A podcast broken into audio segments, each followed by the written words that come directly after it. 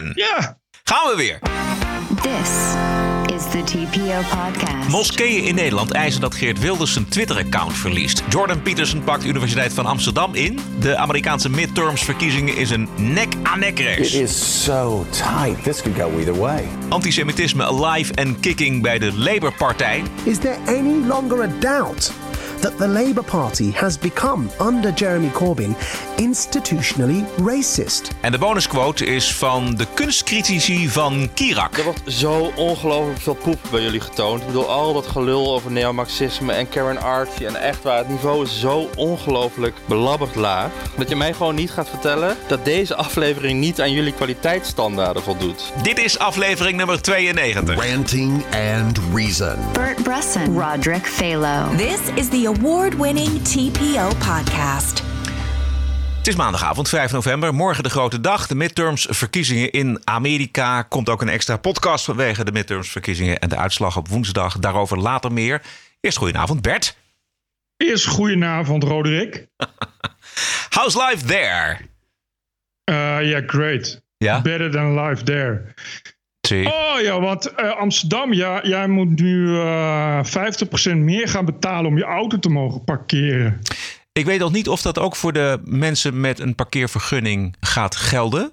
Want, Maar die eh, zal dan wel duurder worden. Ja, ik denk wel dat die iets duurder wordt, maar niet zo duur als de bezoekers van de binnenstad moeten betalen, zeg maar. Want ik ben een bewoner en ik heb zo'n ik heb zo'n ding al jaren, al honderd jaar. En ik, ik, maar ik, ik, ik ga er ook gewoon vanuit dat eh, dit college van BNB ehm, ook de mensen die er al wonen gewoon extra gaan taxeren. Uiteraard. En we hebben een nieuwe Sinterklaas in Amsterdam. Erik van Muiswinkel. ik vond het de beste ironisch kutgrap die er in 100 jaar is gemaakt. Het kan niet anders of iemand heeft dat bewust bedacht. Laten we Erik van Muiswinkel nemen. Dit is echt een, een hardere, hardere trap in de ballen van vrijwel iedereen in Nederland. Kun je niet bedenken. En ik vind dat grappig, want ik hou van dat soort grappen. Ja. Je, je kunt ook denken aan dat je hm, Holleder bijvoorbeeld eh, hoofd maakt van de criminaliteitsbestrijding of zo. Zoiets is het, hè? Ja, precies. En dat, Ja. het, is, het is gewoon een ironie, ironie, eh, Ten top. eh, ironie ten top. Gewoon. Ja. Het is de eerste Sinterklaas waar een aangifte ook tegen loopt, volgens mij. want eh Wierduk heeft een aanklacht ingediend wegens een oproep bestrijd het leed dat Wiert Duk heet. van de hand van Erik van Muiswinkel. Ik weet niet of dat al voorgekomen is. Weet je daar wat van? Nee, dat voor zover ik weet is niet voorgekomen. Nee. Het zijn, eh, het- dat is, eh, dit is de verkeerde die aangeeft. Als het andersom was geweest, was het waarschijnlijk al voorgekomen. Maar we mogen niet precies, ja. verwachten dat dit nu ook nog... eh, Ja. Eh, De nieuwe Sinterklaas heeft wel een reputatie op het gebied van taal. ook ten aanzien van kinderen. Een goed voorbeeld. Bijvoorbeeld, hij heeft Duk een eh, 18 karaats fascist genoemd. En hij heeft een godsdienstdocent Ruben van Koningsveld op Twitter een domme kankerlul genoemd. Dus Ja. als hij dit, dit soort taal nou ook gewoon gaat gebruiken als Sinterklaas, dan eh, weten we welke generatie kinderen er opgroeit de komende jaren. Ja, dat leek me dus ook grappig.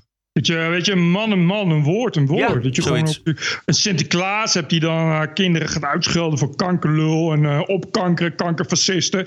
Dat zou ik heel grappig vinden. Weet je, een beetje, een beetje eerlijk realisme. Zo hoort dat tegenwoordig. Ik heb één keer met hem eh, gediscussieerd op Radio 1 over de oproep om Baudet te taarten. Toen dacht ik vanmiddag dacht ik van god, eens even kijken wat zijn laatste tweets zijn. Toen bleek ik geblokkeerd te zijn door Erik van Buiswinkel. Ja, het is heel erg. Want ik, ik heb hem toen eh, uitgebreid gefilmd samen met Justus van Oel. En dat was ook nadat hij inderdaad ook zoiets had opgeroepen eh, tegen Jan Dijkgraaf. Eh, en het rare is, of het rare, dat is een beetje hoe het gaat. is iemand die eh, eigenlijk wel redelijk is. Ook wel een aardige man. En die, die helemaal echt mi- veel minder van je staat dan dat je zou vermoeden aan de hand van die tweets. Als je dat dan op, tweet, op Twitter ziet, denk je, jezus, what the fuck. Weet je, terwijl als je hem dan tegenkomt, is het inderdaad, oh leuk, en een biertje drinken. Nou, het is allemaal spel, en het is allemaal spielerij, en het is allemaal onzin. Weet je, het is, het is een soort, het is moeilijk, moeilijk te peilen. Dat Twitter is gewoon een, eh, maar goed, het wiert is kennelijk ook weer aan het twitteren. Dus Ja, de verleiding en de verslaving is te groot, denk ik. ja, dat waren toch twee mooie dagen. Ja, precies. Eh, Bert, ik heb mij vandaag diep beledigd en geschoffeerd gevoeld eh, over de oproep van de Turks-Islamitische Culturele Federatie, die namens 144 moskeeën in Nederland eist dat eh, het Twitter-account van Geert Wilders wordt opgeheven. Eh, deze aanval op de vrije meningsuiting en een Nederlandse volksvertegenwoordiger is zo intolerant, zo middeleeuws en zo van iedere beschaving ontdaan dat ik mij diep gekrenkt voel. Om nog maar te zwijgen van mijn schaamte voor de mensheid die ik voel omdat in Pakistan een christelijke vrouw acht jaar in de dodencel zit omdat zij een profeet die al lang dood is beledigd zou hebben en daar de straten vol lopen met hysterische baarden die om haar te stenigen uh, krijsen wanneer de Pakistaanse rechter de vrouw nog vrij spreekt ook. Um, de koepel van middeleeuwse gebedshuizen gaat aangifte doen tegen uh, Twitter in Nederland. Uh, als Wilders zijn Twitter-account niet wordt afgepakt. Um, ook staan er aangiftes tegen Twitter gepland in Turkije, Marokko, Pakistan en Indonesië wegens Wilders. Hoe lang moeten we deze onzin nog aanhoren en, en gaat Twitter hier iets mee doen? Want dat is natuurlijk de eerste halt. De eerste halt is Twitter. Aangezien ze nog in de steentijd leven, kan het nog wel eens een paar duizend jaar duren voordat het iets beter wordt. Dus daar zou ik sowieso mijn geld niet op inzetten. Voordat dat uh, de zogenaamde gematigde islam, die schijnt te bestaan. Dat zegt heel, heel links uh, Nederland en heel links internationaal. Internationaal links zegt altijd dat er een gematigde islam is. Die elk moment de islam kan verlichten. Maar ik zou er niet op wachten. Uh, aangifte tegen Twitter lijkt me heel weinig zin hebben. Volgens mij kom je niet zo heel ver met dit soort dingen.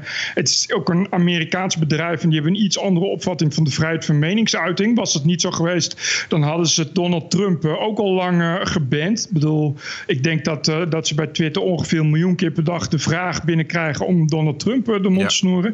Dat, dat gaan ze dus allemaal niet doen. Nee, dat gaan ze bij Dat- een Nederlandse politicus ook niet doen. Nee, dat, is, dat gaan ze sowieso niet doen. Eh, ja, aangifte Nederland. Je zou eh, haast denken van niet, maar eh, sinds het OM op oorlogspad is tegen eigenlijk alle meningen die iets te recht zijn en niet keurig links van het midden of links zijn, het zal me niks verbazen als het OM daar serieus werk van gaat maken. Ik bedoel, we hebben ook al eerder gezien dat aangifte tegen Wilders gewoon zin had, dus dat zal dan misschien nu ook wel werken. Maar het is een absurde, absurde, absurde aangifte. Zelfs voor middeleeuwiërs. Echt, zelfs voor steentijdbewoners is het echt een absurd dom idee. Ja, en toch is er een, een kleine kans. Want wij hebben het vorige week gehad over het Europese Hof van de Rechten van de Mens. En die heeft een gevalletje in Ah. Oostenrijk ehm, Juist. bestraft. eh, en gezegd eh, dat de, een profeet geen pedofiel genoemd mag worden. Dat zegt Wilders op Twitter wel. Ja, en die doet ook filmpjes die kwetsend zijn en zo. Ja. Dus eh, het zou kunnen, maar dan heb je het wel over. Kijk, het probleem is natuurlijk dat ze dan eerst naar het Mensenrechtenhof moeten. Zelfs voor, eh, zelfs voor eh, moslims die goed te boek staan, gaat dat jaren kosten. Wat je dan wel gaat krijgen, dat is interessant. Met de zeer steeds strenger wordende Europese Unie-regels voor eh, ehm, xenofobie. Eh, eh, racisme, discriminatie en extremisme online. Zou het wel eens kunnen dat inderdaad Twitter op den duur gaat bukken. En dat Geert Wilders niet meer in Europa op Twitter te zien is. Zoals we nu ook al in Duitsland eh, hebben. Dat er sommige tweets zijn niet meer zichtbaar in Duitsland. Van Geert, van Geert Wilders. Nee, niet van Geert Wilders, maar van, ah, van andere Duitsers. Oh, oh, omdat, ja. dat niet, eh, omdat dat niet mag van, eh, eh, van meneer Maas. Heiko Maas heeft destijds besloten dat er bepaalde zaken gewoon te kwetsend zijn. Ja. Op Facebook en Twitter. En die halen ze dan nu binnen 24 uur wordt dat gecensureerd. En dat kun je dan wel. Je kan het dus wel in Nederland zien, maar in Duitsland kun je dat, Nee. dat dan niet meer zien. En dat zou hier ook mee kunnen Ja. gebeuren. Nog even terug naar het Europese Hof, want dat was natuurlijk een uitspraak van vorige week. Eh, misschien is het toeval, maar ik denk het eigenlijk niet dat er een week tussen zit. Dat dit, eh, want het is een best groot opgezette actie van die eh, Nederlandse moskeeën. Turkse moskeeën Nee. moet ik zeggen, Turkse moskeeën in Nederland. Eh, en het is ook internationaal aangepakt. En ik, ik geloof wel dat, ze, dat we deze aanval op de vrijheid van meningsuiting eh, serieus moeten nemen. Ja, dit is een gecoördineerde Ja. eh, eh, Erdo- Erdogan-actie. Ja. Dit, zal, dit, is, eh, dit zijn waarschijnlijk gewoon Dianet-moskeeën. Ja. Die eh, inderdaad voor de zoveelste maal... Dit is echt weer gewoon de lange arm van, eh, van Erdogan. Dit is natuurlijk niet... je, je kan natuurlijk niet geloven dat het zomaar ineens onverwacht... imams huilend de handen, naar het, ha- handen in het haar hebben gestoken. Gezegd, wat verschrikkelijk, hier moeten we iets aan doen. Laten we de koppen bij elkaar steken. Dit is, dit is gewoon een, een opdracht, een decreet vanuit Turkije. Om, ja, dit is natuurlijk, dit is natuurlijk je reinste, je reinste westerse normen en waarden pesten. Ja. Uh, maar inderdaad, in lijn met, met, uh, met de mogelijkheden die zij ook zien. Zij maken gretig gebruik van uh, de steeds strenger wordende uh, regels en eisen ten faveur van vooral de islam, die Juncker en Timmermans onder andere graag naar binnen fietsen. En zo met die uitspraak van het Mensenrechtenhof is dat inderdaad, ja, het is het ijzersmeden als het heet is. Yes. Als iets, iets is waar, waar Erdogan goed in is, dan is het dat wel. Ja, ja dat heb je goed gezegd. Um, de, ondertussen is wel de cartoonwedstrijd van Geert Wilders afgeblazen. Dat weten wij allemaal hier, maar dat is nog, nieuws is nog niet aangekomen in Pakistan volgens mij. Want daar wordt de Nederlandse ambassadeur bedreigd. Heeft ook te maken met die uh, zaak rond die uh, uh, Aisha Bibi. Dat is dat christelijke, die christelijke ja. vrouw die acht jaar, notabene acht jaar in een dodencel heeft gezeten.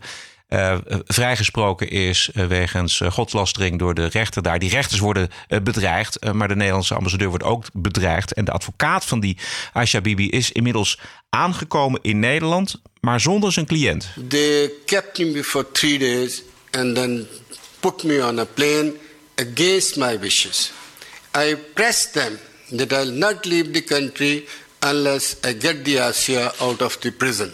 So I'm not happy here to be without her. Er zijn Nederlandse politieke partijen die haar hier tijdelijk asiel hebben um, ja.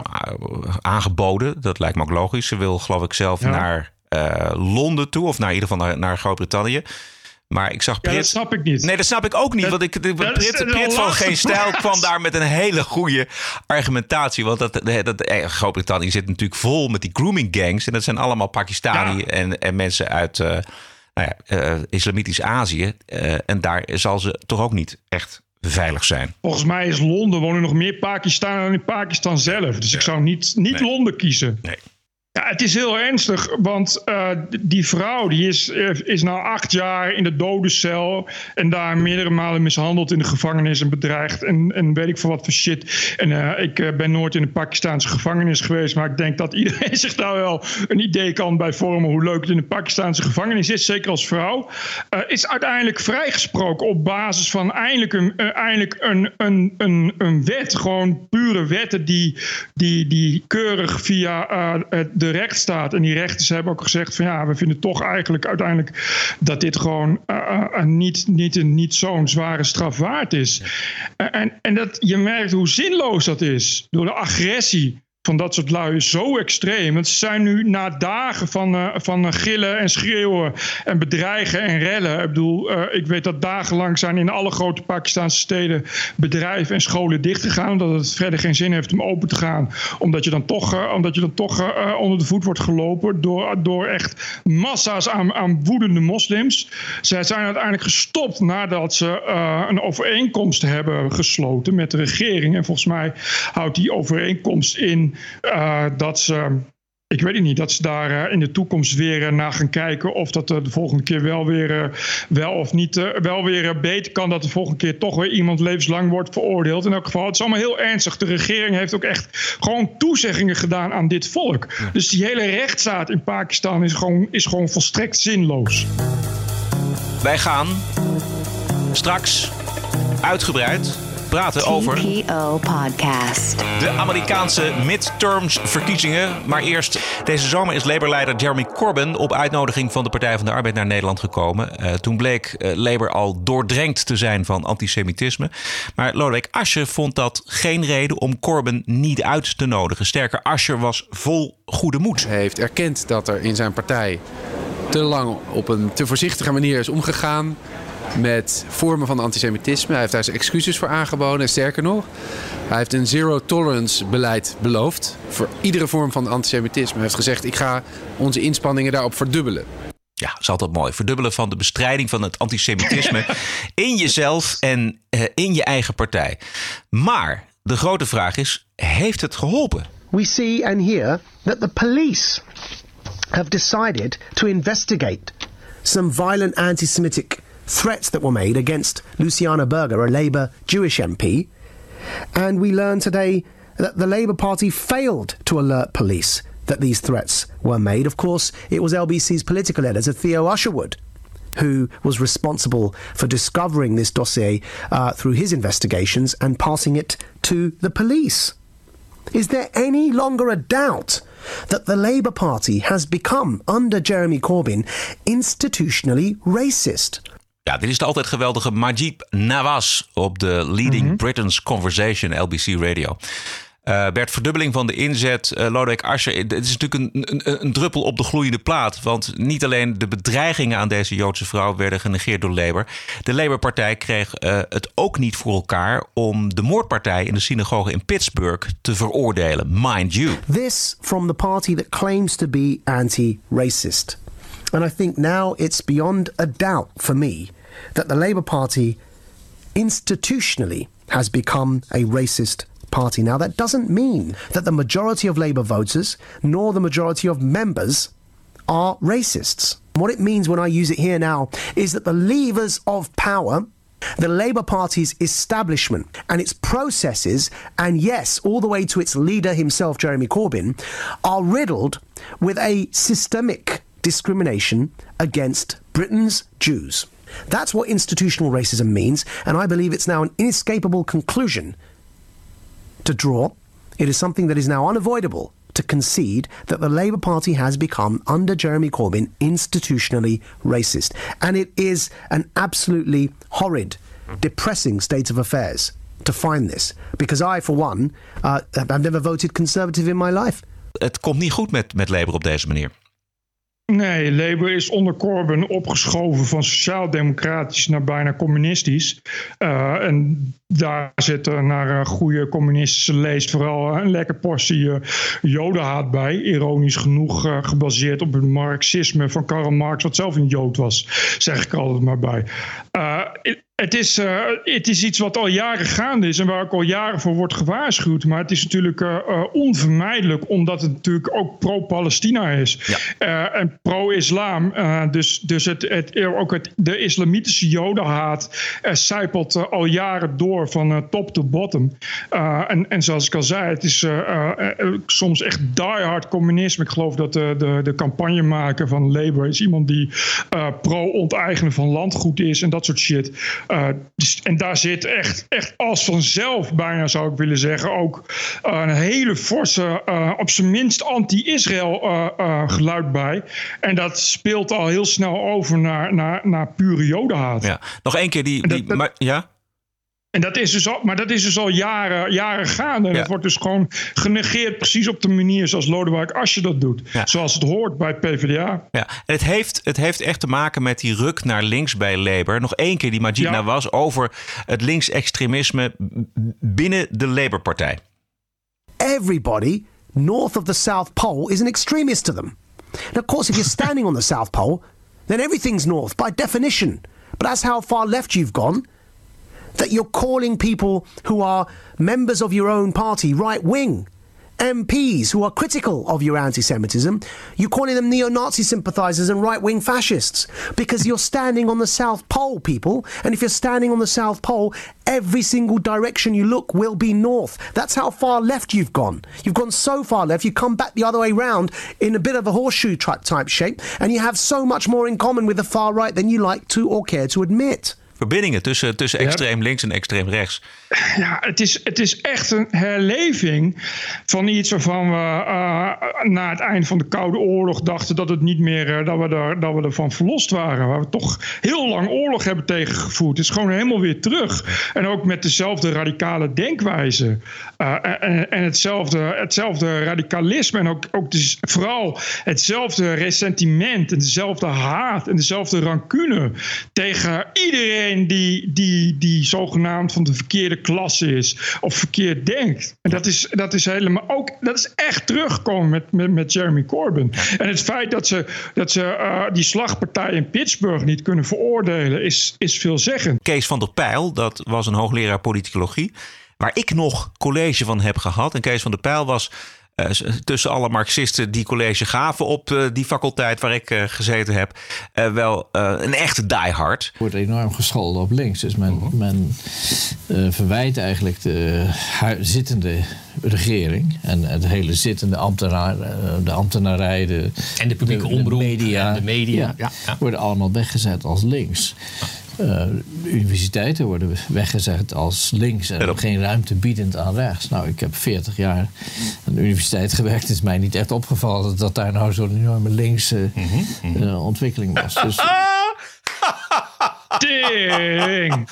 Oh, Bert, jongen. Hij was echt zo'n fucking diehard Marxist, jongen. En eh, het lastige was dat hij ook wel grappig was. Dus daarom vergeef je iemand ook wel weer eh, wat iemand zegt. Maar hij was zo diehard, jongen. En dit was dus een, een uitzending van Café Weltsmert van 19 maart, jongsleden. Waarin hij gewoon zegt van ja... Ik heb 40 jaar eh, lesgegeven op de universiteit. En, en het is mij nooit opgevallen dat het daar zo links was. Ah, het is, Het is onvoorstelbaar. Dezezelfde Kees van der Pijl die twitterde zaterdag, afgelopen zaterdag, de bekende antisemitische samenzweringstheorie dat Israël verantwoordelijk is voor de aanslagen van 11 september 2001. Zie je wel? Ja, hij schreef niet de Saudis, maar Israël heeft de Twin Towers opgeblazen met behulp van de Zionisten in de Amerikaanse regering. Dit dus. En dan dit dus. met Dit- en- dit. Dit, dit is Kees van der Pijl. Met een link naar een soort van complottheorie op Wikispooks. Ja, ja, ja. Maar het, het probleem, en het probleem is dat ze dit nu al jaren zo sluipend doen. En dan zeggen ze: nee, maar ja, ik, ik ben geen Joden, het is geen antisemitisme, het is anti-Zionisme. Want kijk maar wat Israël doet. Maar het is uiteindelijk gewoon, gewoon ver- verdekte Jodenhaat. Weet je, uiteindelijk zeg je gewoon: ja, maar die Joden zitten achter 9-11. Ja, als je met, met Zionisten aankomt, dan, dan, weet, dan weten we genoeg. Ik vind echt, in principe, mensen die zeggen: nee, ik ben anti-Zionist, denken altijd van: oké, ik weet wel voldoende. Zullen we naar Amerika gaan, Bert? Ja, gezellig, daar is het wel altijd leuk. The FM Talk Station. The Rush 24 7 Podcast. Los Angeles. And now, America's most exciting radio talk show, The Savage Nation. And we're here. How the hell did we get here? TPO Podcast. News Talk Radio 77, WABC, New York City. Ja, vanavond is het maandag, morgen is het dinsdag 6 november. Eh, spannendste midtermverkiezingen in jaren. De Amerikaanse bevolking Yes. kiest hun eh, vertegenwoordigers in het congres. Al twee jaar voeren de Amerikaanse media op eh, een enkele uitzondering na een campagne voor de Democratische Partij, want tegen Trump. Eh, nou, daar kan eigenlijk geen Russische troll tegenop, Bert. This is a man who is not well. He alternated between being a whiny six year old who's had his Nintendo taken away and, and between being the cranky old man who's out there condemning everyone who doesn't worship him adequately. Donald Trump, short of only maybe Woodrow Wilson and Andrew Jackson, is being himself more than any other previous president with disgraceful racial views. He said today, America first. It was not just the racial, I mean, the, I shouldn't say racial, the Hitlerian uh, background to it it. Is Donald Trump competent to be president? President Trump say America first.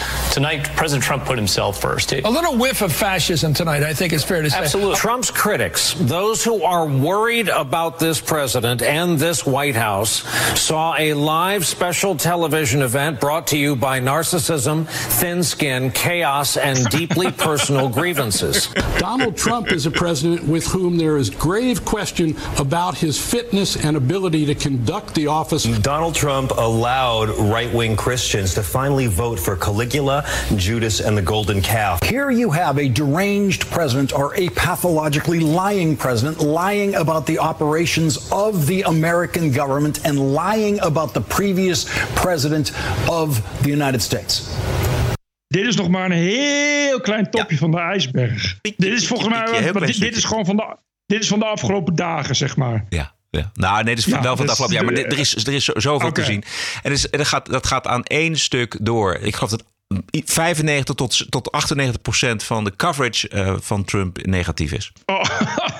dus ja, tel uit je winst. Het- en, en, en het als de Democraten het nou nog niet winnen, dat zou toch wel ongelooflijk zijn? Uh, ja, ik, ik, er wordt al, er is al meerdere malen voorspeld dat we in de, uh, in de opmaat zitten naar een soort nieuwe burgeroorlog in Amerika. En uh, mochten de Democraten niet winnen, um, ben ik wel bang dat het uh, uit de hand kan lopen. Ja, waar, waar hoor je dat? Ik, ik, ik, lees, ik hoor het ook, maar ik vind het eh, te zeggen Ja. dat, dat Trump deze Amerikaanse samenleving als geen ander uh, verdeelt. Ik bedoel, de Amerikaanse samenleving is altijd verdeeld in 50% Republikeinen en 50% Democraten. Dat is nee, niet anders. Ja, nee, dat, dat, dat wel. Nee, maar die Democraten die trekken het gewoon niet.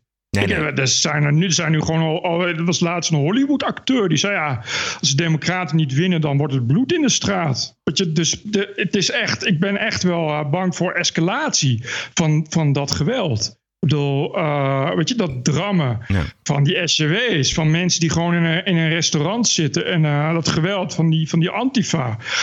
Ja, dat zie ik, dat, dat zie ik wel eh, langzaamaan escaleren. Het is wel. Ja, het, het- ik las laatst, was een, was een model, dat was haar, haar contract verloren omdat ze geloof ik met een Trump-aanhanger op de foto was gegaan. Dat soort shit en zo, het wordt steeds erger en dat, dat leidt tot steeds grotere segregatie. En ik heb het idee dat, dat veel, steeds meer mensen ook wel echt bereid zijn tot de volgende stap. Als we kijken Ja. dus naar die Amerikanen die al gestemd hebben in deze verkiezingen, dan is er van een blue wave nog helemaal geen sprake. All of this talk of a blue wave, well, it's been Republicans who have come out the most in this early voting. According to data provided by Target Smart and analyzed by NBC News, the number of GOP voters surpasses Democrats in seven out of eight key states. And in most states, it's not even particularly close. In Florida, Republicans are outpacing Democrats by six points. In Georgia, nine points. In Texas, where the president campaigned for Ted Cruz yesterday, 10 points. In Arizona, where Martha McSally and Kirsten Sinema are in a dead heat, the early vote favors Republicans by 11%. In Indiana, the lead is 12 points. In Montana, where Matt Rosendale is trying to beat the incumbent, Democratic Senator John Tester, it's a 17 point advantage for Republicans. And in Tennessee, the number of Republican early voters, are you ready? 33 points higher than the Democrats. Democrats lead in early voting in only one state, Nevada.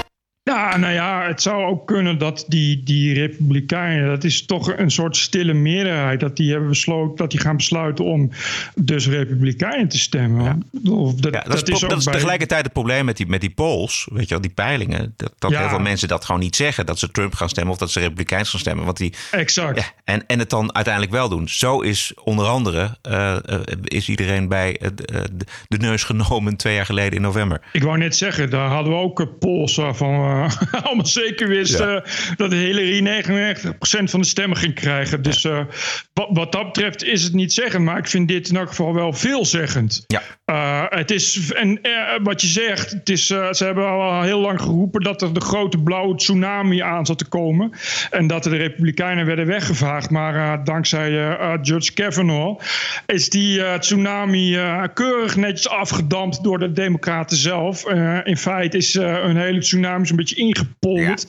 Eh, en dat is alleen maar erger geworden. En we hebben het in de Nederlandse mainstream media iets minder meegekregen. Maar nu blijkt toch dat er inderdaad eh, vrouwen zijn die hebben gelogen in hun aanklachten tegen Kavanaugh. Die zijn helemaal niet misbruikt. Sterker nog, er is er eentje die heeft gewoon een verhaal. Hij had ze ergens op internet gelezen van iemand heel anders. Waarvan ze niet eens wist wie het was. En had ze gezegd, dit is mij overkomen. En de dader was Kavanaugh. Ja, bij de echte ondervraging ging het mis bij deze Judy Monroe. Uiteindelijk bekende ze dat ze Kavanaugh nog nooit ontmoet heeft. Eh, bij Ilko Bos van Roosentaal Nieuwsuur hoorden we dit niet terug, heel toevallig. Eh, maar eh, Amerikanen horen dat wel terug en die zien dat ook. En die kon wel eens zijn dat, voor, dat dit voor hun een, een, een omslagpunt is. Dat als je zwevende kiezer bent, en dat zijn er heel veel. Er zijn echt heel veel Amerikanen, veel meer dan dat we denken, die eigenlijk bij elke verkiezing opnieuw een nieuwe keuze maken. De ene keer Republikein en de andere keer Democraat. En het kon wel eens zijn dat dit voor heel veel mensen een doorslag is. Michiel Vos is een Nederlandse auteur die woont in Amerika.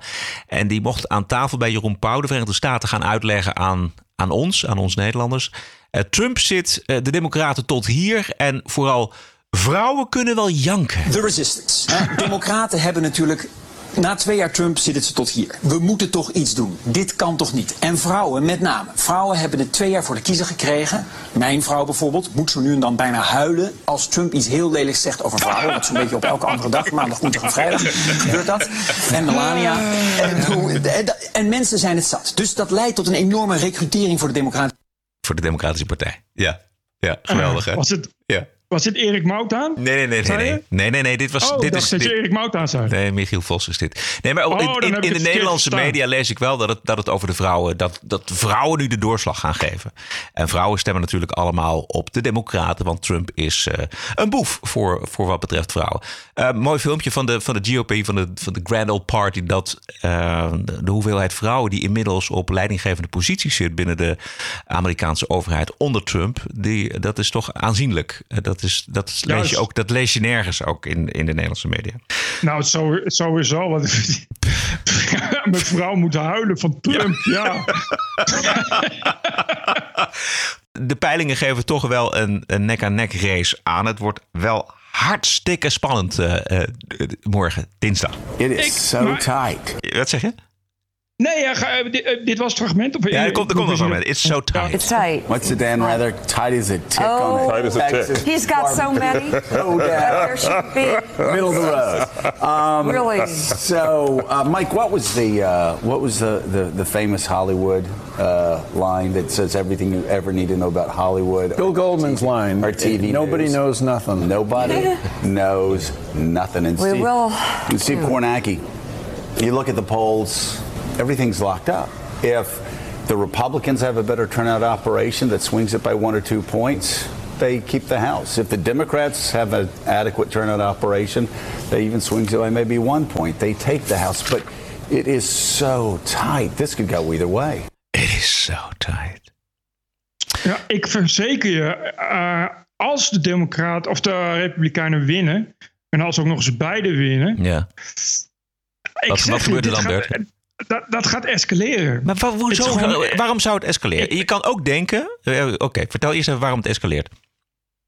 Om, omdat die rancune en woede zo groot is. Dit is eh, unprecedented wat we nu zien. Ik bedoel, ik zag laatst van de week op Breitbart een samenvatting van alleen CNN. Het afgelopen half jaar. Het aantal malen dat er letterlijk is opgeroepen tot geweld tegen, eh, tegen Trump. Tegen medewerkers van Trump door CNN-ankers. En dat is echt ja, is tientallen malen. En dat is dan alleen maar het afgelopen half jaar. Dat is dan alleen maar eh, CNN. De, de, de woede en rancune is groot.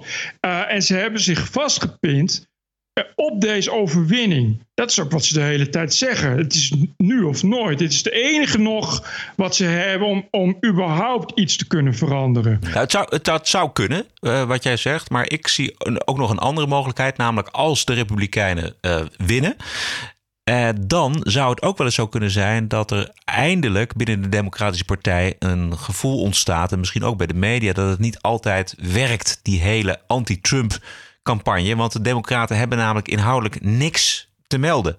Nog. Hè? Ze, ze mo- moeten zich voorbereiden op de eh, ver- nieuwe verkiezingen, de presidentsverkiezingen van, 20, van 2020. Nou, dat gaat natuurlijk niet lukken als je alleen maar anti, anti, anti, anti-Trump bent. Dus het kan ook louterend werken. Jij hebt wel een heel positief mensbeeld als het gaat om democraten. Nee, ik, ik, kan echt, ik, ik kan me echt niet... Ik zou dat- zelf dat zo is- denken. Laat, als, ik, als, ik, als ik fel anti, anti-Trump zou zijn en ik zou mijn, na, na twee jaar mijn frustratie zou ik toch wel eh, willen afschudden en dan zou ik willen denken. Nou, eh, oké, over twee jaar verkiezingen. Hoe ga ik die man op een andere manier, met een andere tactiek, eh, pootje lichten? Ja, als ik zelf directeur was van CNN of hoofdredacteur, zou ik na twee jaar denken: ook van misschien moet ik eens nieuws gaan maken. In plaats van alleen maar Trump afzeiken. Maar daar ga je uit van, van de redelijkheid van jezelf. Maar dat is waarschijnlijk dan de reden dat je geen, geen democraat bent die bij CNN werkt. Ik zie dat. Ik zie dat ik heb nog nooit, volgens mij is er nog, ook nog nooit in de geschiedenis eh, hebben, hebben laten zien dat progressieve eh, liberals van hun fouten kunnen leren. Gewoon niet. Nee. Gewoon- gewoon- nee, het punt is, vind ik, dat het dus, dus, dus ja, het leidt naar, naar, naar destructie en vernietiging. Dat, is dus, dat, is, dat, is, het- dat is het linkse discours in het verleden. Ja. Je Dus ziet ik het trouwens ook, als ik somber ben, dan ben ik het helemaal met jou eens. Want je ziet het ook in Europa, weet je. Je ziet ook daar de populistische partijen, naar de ene naar de andere, meer zetels winnen, meer macht winnen. En de, en de middenpartijen, de progressieve middenpartijen, doen niks. Die kunnen niks. Die kunnen alleen maar tamboureren op dat Wilders slecht is en Baudet slecht. Maar dat hebben ze dus aan zichzelf te danken. Ja? En eh, ik zag van de week weer een, een discussie met Steve Bannon. Ja. Want ik, ik vind het echt een geweldig spreker, moet ik zeggen. Eh, ik, ik vind het ook heel wat dat hij dus kennelijk weer ergens, ergens mag spreken. Zonder dat dat veel problemen oplevert. Ik geloof dat er maar één schreeuwer in de zaal zat. eh, dus dat valt mee. Weet je, kijk, Steve, maar Steve Bannon die zegt eigenlijk ook vrijwel letterlijk van... Hey, de reden dat ik hier ben, dat ik dit kan doen ligt niet aan mij. Weet je, het is, het is door jullie gemaakt. Het is door jullie democraten en liberals gemaakt. En dat is in heel Europa zo. En eh, weet je, wat je, wat je, wat je Steve, dat vind ik het mooie van Steve Bannon. Is, het, is, het is een hele slimme gast ook. hè. Hij heeft, heeft Harvard gedaan. En, en, en, weet je, was op zijn twaalfde volgens mij al, al, al, al half hoogleraar. Weet ik veel wat. Dus een hele slimme gast. Hij geeft echt maar een analyse die gewoon deugt. Het is helemaal niet iemand die zegt van... Ah, ik ben blij dat ik de macht kan grijpen. Hij zegt van, nou, het, het gebeurt gewoon. Ik hoef niks te doen. Ik, ik, en hij waarschuwt eigenlijk bijna... ik- ben hier en dit is, dit is wat er gebeurt. Als je zo door blijft gaan, dan krijg je Steve Bannon. Ja. Als je een mislukte strategie hanteert, dan ga je, stap je toch over op iets anders. Ja, maar dan moet je de toezegging doen dat je dus moet gaan zeggen... we hebben iets fout gedaan en dat gaan we anders doen. Dat, dat lukt dus niet omdat het een ideologie is waarin ze vastzitten, hoe dan ook. En dan is het maar nog liever eh, verschroeide aarde en een Pyrrhus-overwinning... dan dat we eh, moeten gaan zeggen... Misschien hebben ze wel op sommige fronten gelijk. En misschien moeten we iets anders doen. Want dat is ook meteen. ja, je hebt het gezien bij de PvdA. Die zijn echt met open ogen een afgrond ingelopen onder leiding van Spekman. Dat heel het land, zeg maar, ze toeschreeuwde. Doe het anders. Stop hiermee. Luister naar wat mensen zeggen. Pas het aan. Ja, doen we niet. Zullen we dat stukje John, Don Lemon? John Lemon ik zeggen. Leuk! Don Lemon. Don, hup, Don, kom Lemon. maar in, Don. Ja, ja, nee, het was eh, heel grappig. Want Don Lemon die is heel erg tegen demoniseren. Behalve als het gaat om de, de witte, blanke Amerikaan. Luister. So we have to stop demonizing people and realize the biggest terror threat in this country is white men, most of them radicalized right, uh, to the right. and we have to start doing something about them. There is no travel ban on them. There is no ban on, you know, they had the Muslim ban. There is no white guy ban. Hij wil. Zo We moeten vermoeiend. ophouden met demoniseren. Alle witte mannen moeten dood. Oh, het is verschrikkelijk. Ik heb nog één quoteje. Misschien is dat wel leuk eh, voor, de, voor de midterms. En dat is een... Kijk, dat is onze grote vriendin Candace Owens. I think the fact that every time I'm invited onto this network, I'm being asked to dispute another black person. The black community is broken up um, in general, and I'm, I don't want to partake in any of that. We're uh, just ending a weekend where 71 black people were shot in Chicago, 13 of them killed, and we're not talking about that. Instead, Wait, we're talking well, about old we're gonna talk about all that. of You have a Donald Trump. No, we're not. I have a problem that we're doing wall-to-wall you have a coverage problem on two with who you're tapes that are appearing on from- this- No, I don't have a problem Candace, with you have a I'm problem with who you're appearing no, on I'm this actually segment with? respectfully saying to him that we should both decline tearing apart the black community for the sake of television. And because MSNBC always invites me on to do that, I am declining to do so when our community is mourning the 71 people that were shot over the weekend. We need to stop this warfare and come together and talk about things that matter. And what is going on in Chicago is a bigger topic and should be a bigger topic on this network than what Trump said 18 years ago. But Yes, dat. And she is Precies right. dat.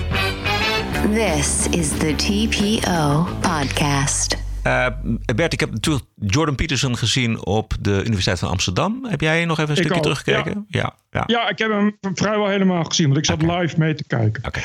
Nou, ik heb misschien te veel van hem. Maar ik vond het toch te leuk allemaal. Dus ik, ik, laten we gewoon wat van hem beluisteren. It's like, okay, what are you going to equalize across? What are the canonical groups? Sex, ethnicity, race, gender. Who says? That's a very small subset of the potential universe of canonical groups. Why are those why are those the right groups? And let's say it is race. Well, what races?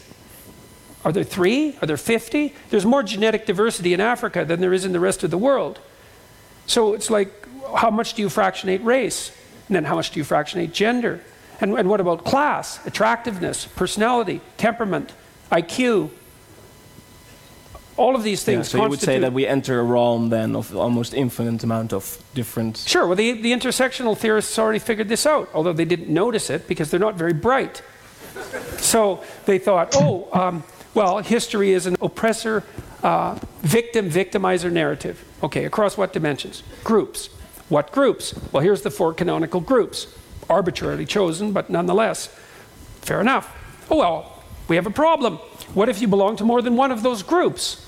Well, then what's your oppression? Well, it's either the sum or the product of your group membership. It's like, fair enough. How many group memberships are there? Well, there's an uncountable number. Okay, so what does that mean? The proper category for a human being is the individual, because that's the only category that takes into account, as well as it can be taken into account, the diversity.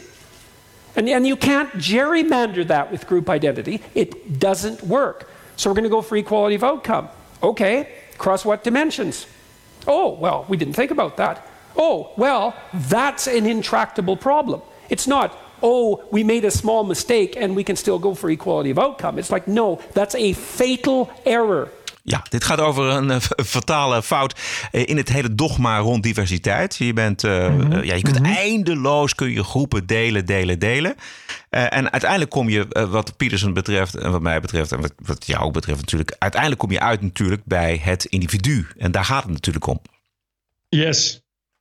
Ja, nee, dat? Ja, ja nee, we, we hebben er niet zoveel commentaar op, want het is gewoon zo. Nee, ja, nee, maar ik, ik, ik zit te denken, ik, ik heb het gezien en ik was helemaal opnieuw fan van Peterson. En ik heb meer meer filmpjes. En, en, ik, en, en uh, ehm, Jezus, die aantrekkingskracht van hem is zo groot. Uh, het is gewoon hetzelfde als, als wat we net hoorden bij Candace Owens. Het gaat om, om, het gaat om mensen die dingen zeggen die, die intuïtief zo waar zijn die lange tijd zijn weggedrukt en ondergesneeuwd door postmodernisme en ideologieën.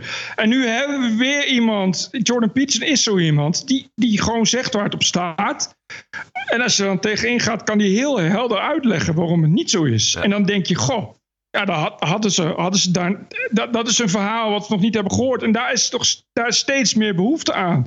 Dit zit in dezelfde lijn als, als dat, het, dat het populisme stijgt. Of dat, eh, of dat Steve Bannon dus inderdaad populair is. Omdat het mensen zijn die dingen zijn die intuïtief waar zijn. En, en waarvan we ineens denken, god, dat eh, is eigenlijk waar. Maar, maar er is de hele tijd is overheen Ja, geschuurd. ja, ja, ja, en mo- mochten we dat niet eens horen. Terwijl het kan, kan zo simpel zijn. Het is zo.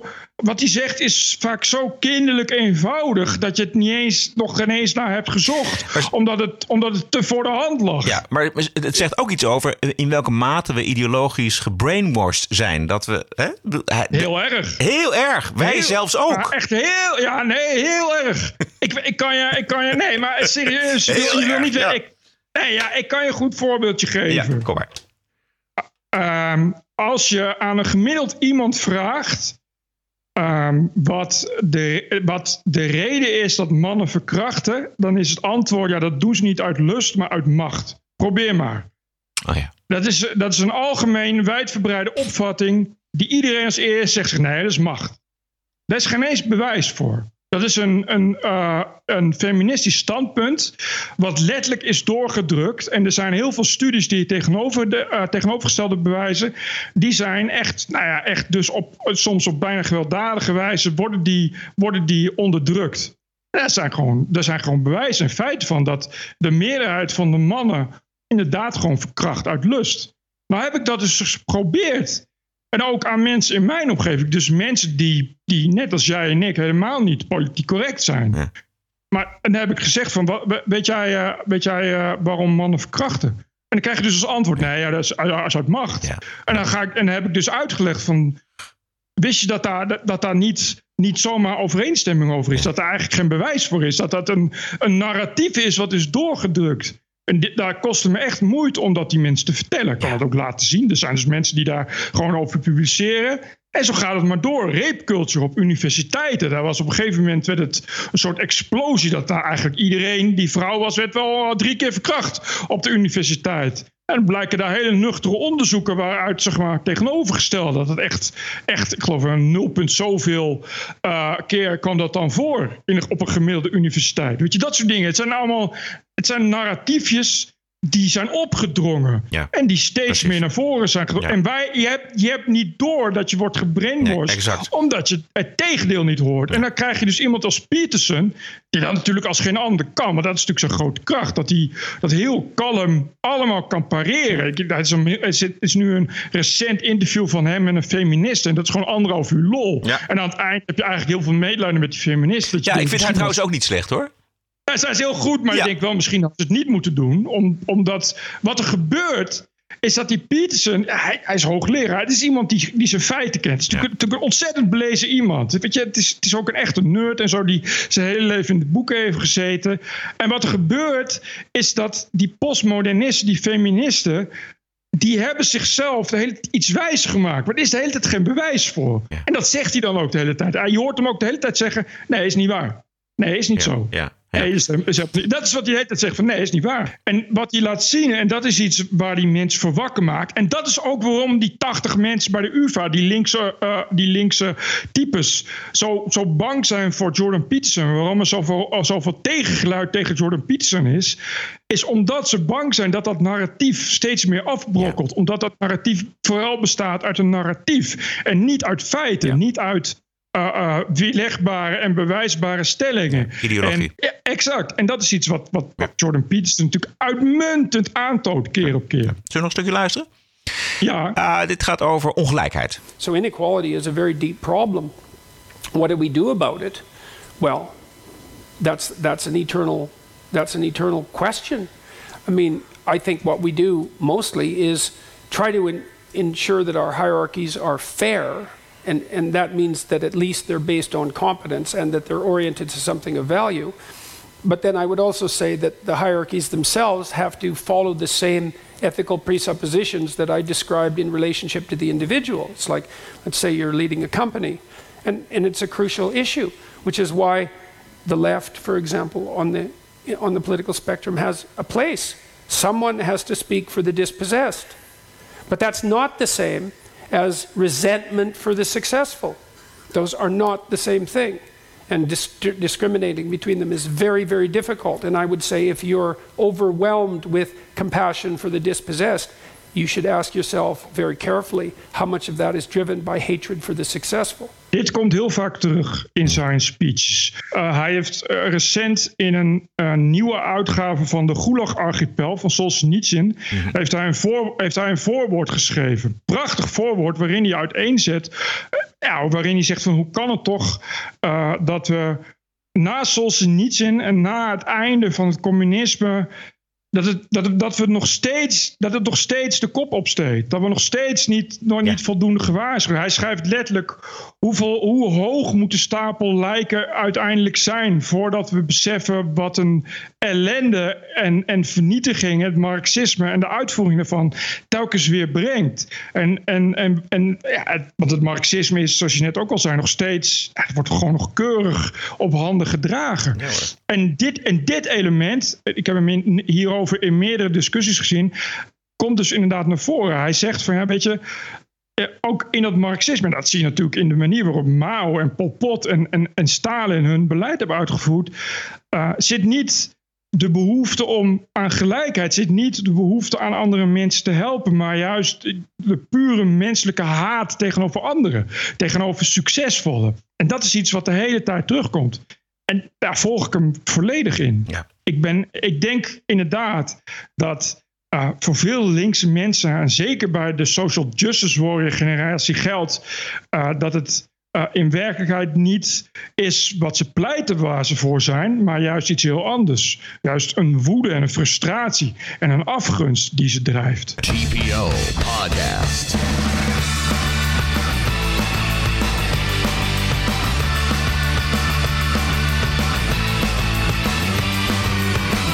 And Reason.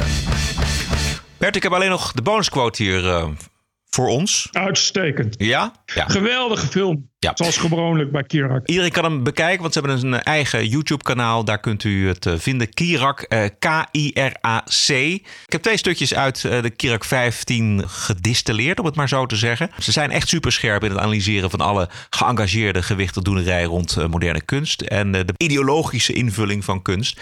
Eh, voor Kirak 15 zijn er afspraken gemaakt met eh, Margriet Schavenman van het Stedelijk Museum. Je loopt ook best aan tegen wat problemen. Eh, bijvoorbeeld dat de collectie heel westers georiënteerd is en voornamelijk uit kunst van mannen eh, bestaat.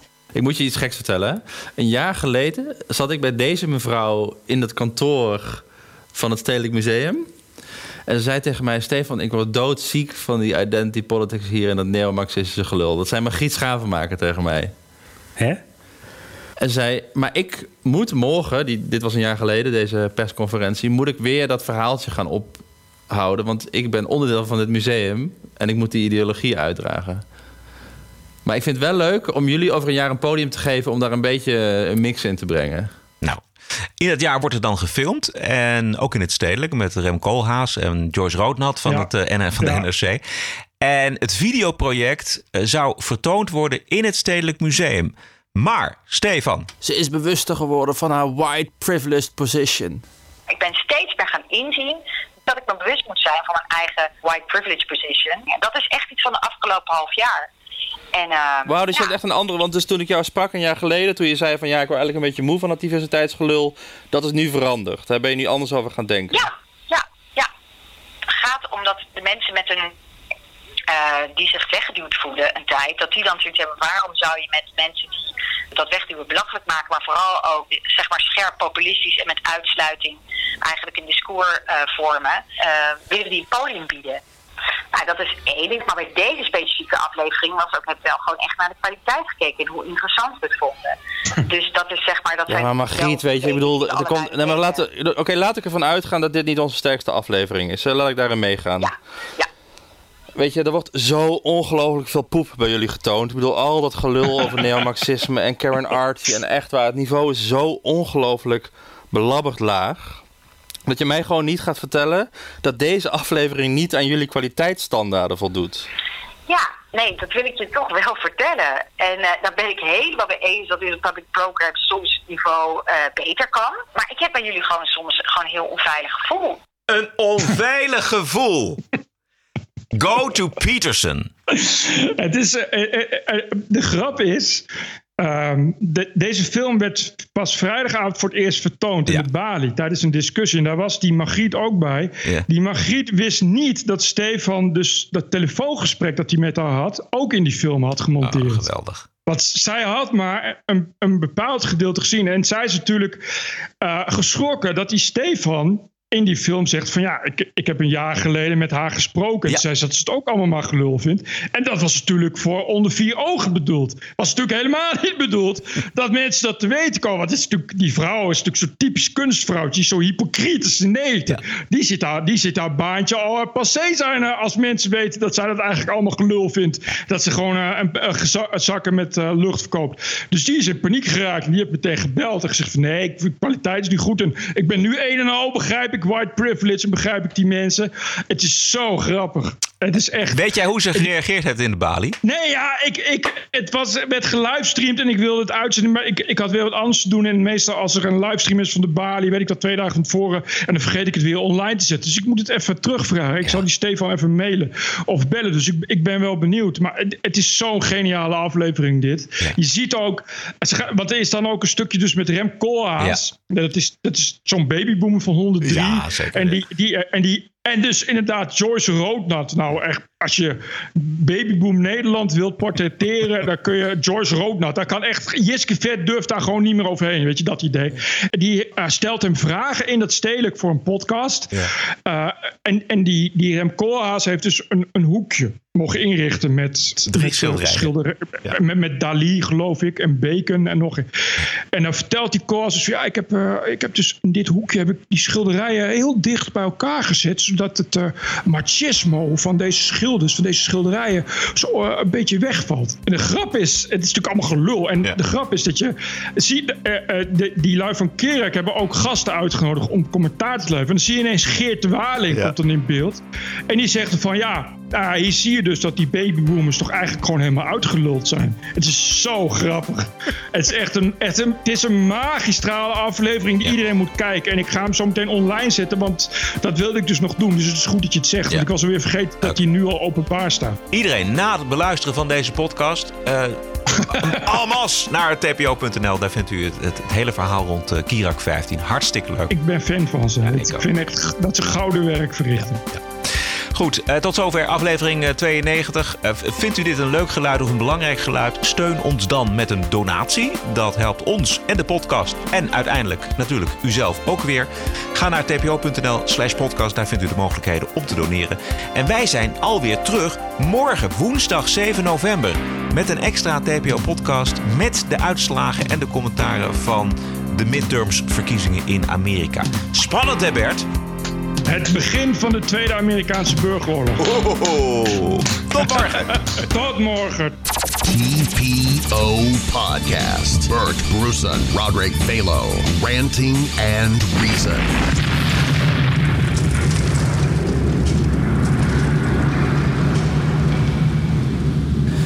Um, als ik van een bepaalde politieke partij was, dan zou ik zelf zeggen: het kunstkartel zien we hier in die films van Kirak museumdirecteuren, curatoren, kunstenaars, kunstcritici en recensenten. Ze kennen elkaar allemaal en, zo lijkt het althans, allemaal net iets te goed. Roddelen doen ze zeker, maar veel te weinig bevragen zij elkaar frontaal en openlijk. En laat staan dat ze elkaar bekritiseren of echt afserveren op thema's die ertoe doen. En als er nieuwe ideeën langskomen die niet stroken met hun lang gekoesterde opvattingen, dan kijken ze allemaal eerst naar elkaar. Als baanwielrenners in een surplus. Met angst en achterdocht in de oogjes. Ga jij eerst? Nee, nee, ga jij maar eerst. Stilstaan, de surplus. Zolang de ander geen beweging maakt, blijven ze zelf ook veilig bij een bekende riedeltje. Diversiteit, inclusiviteit, duurzaamheid, u kent het allemaal wel. TPO Podcast. The award winning TPO podcast can be heard on the No Agenda stream at noagendastream.com.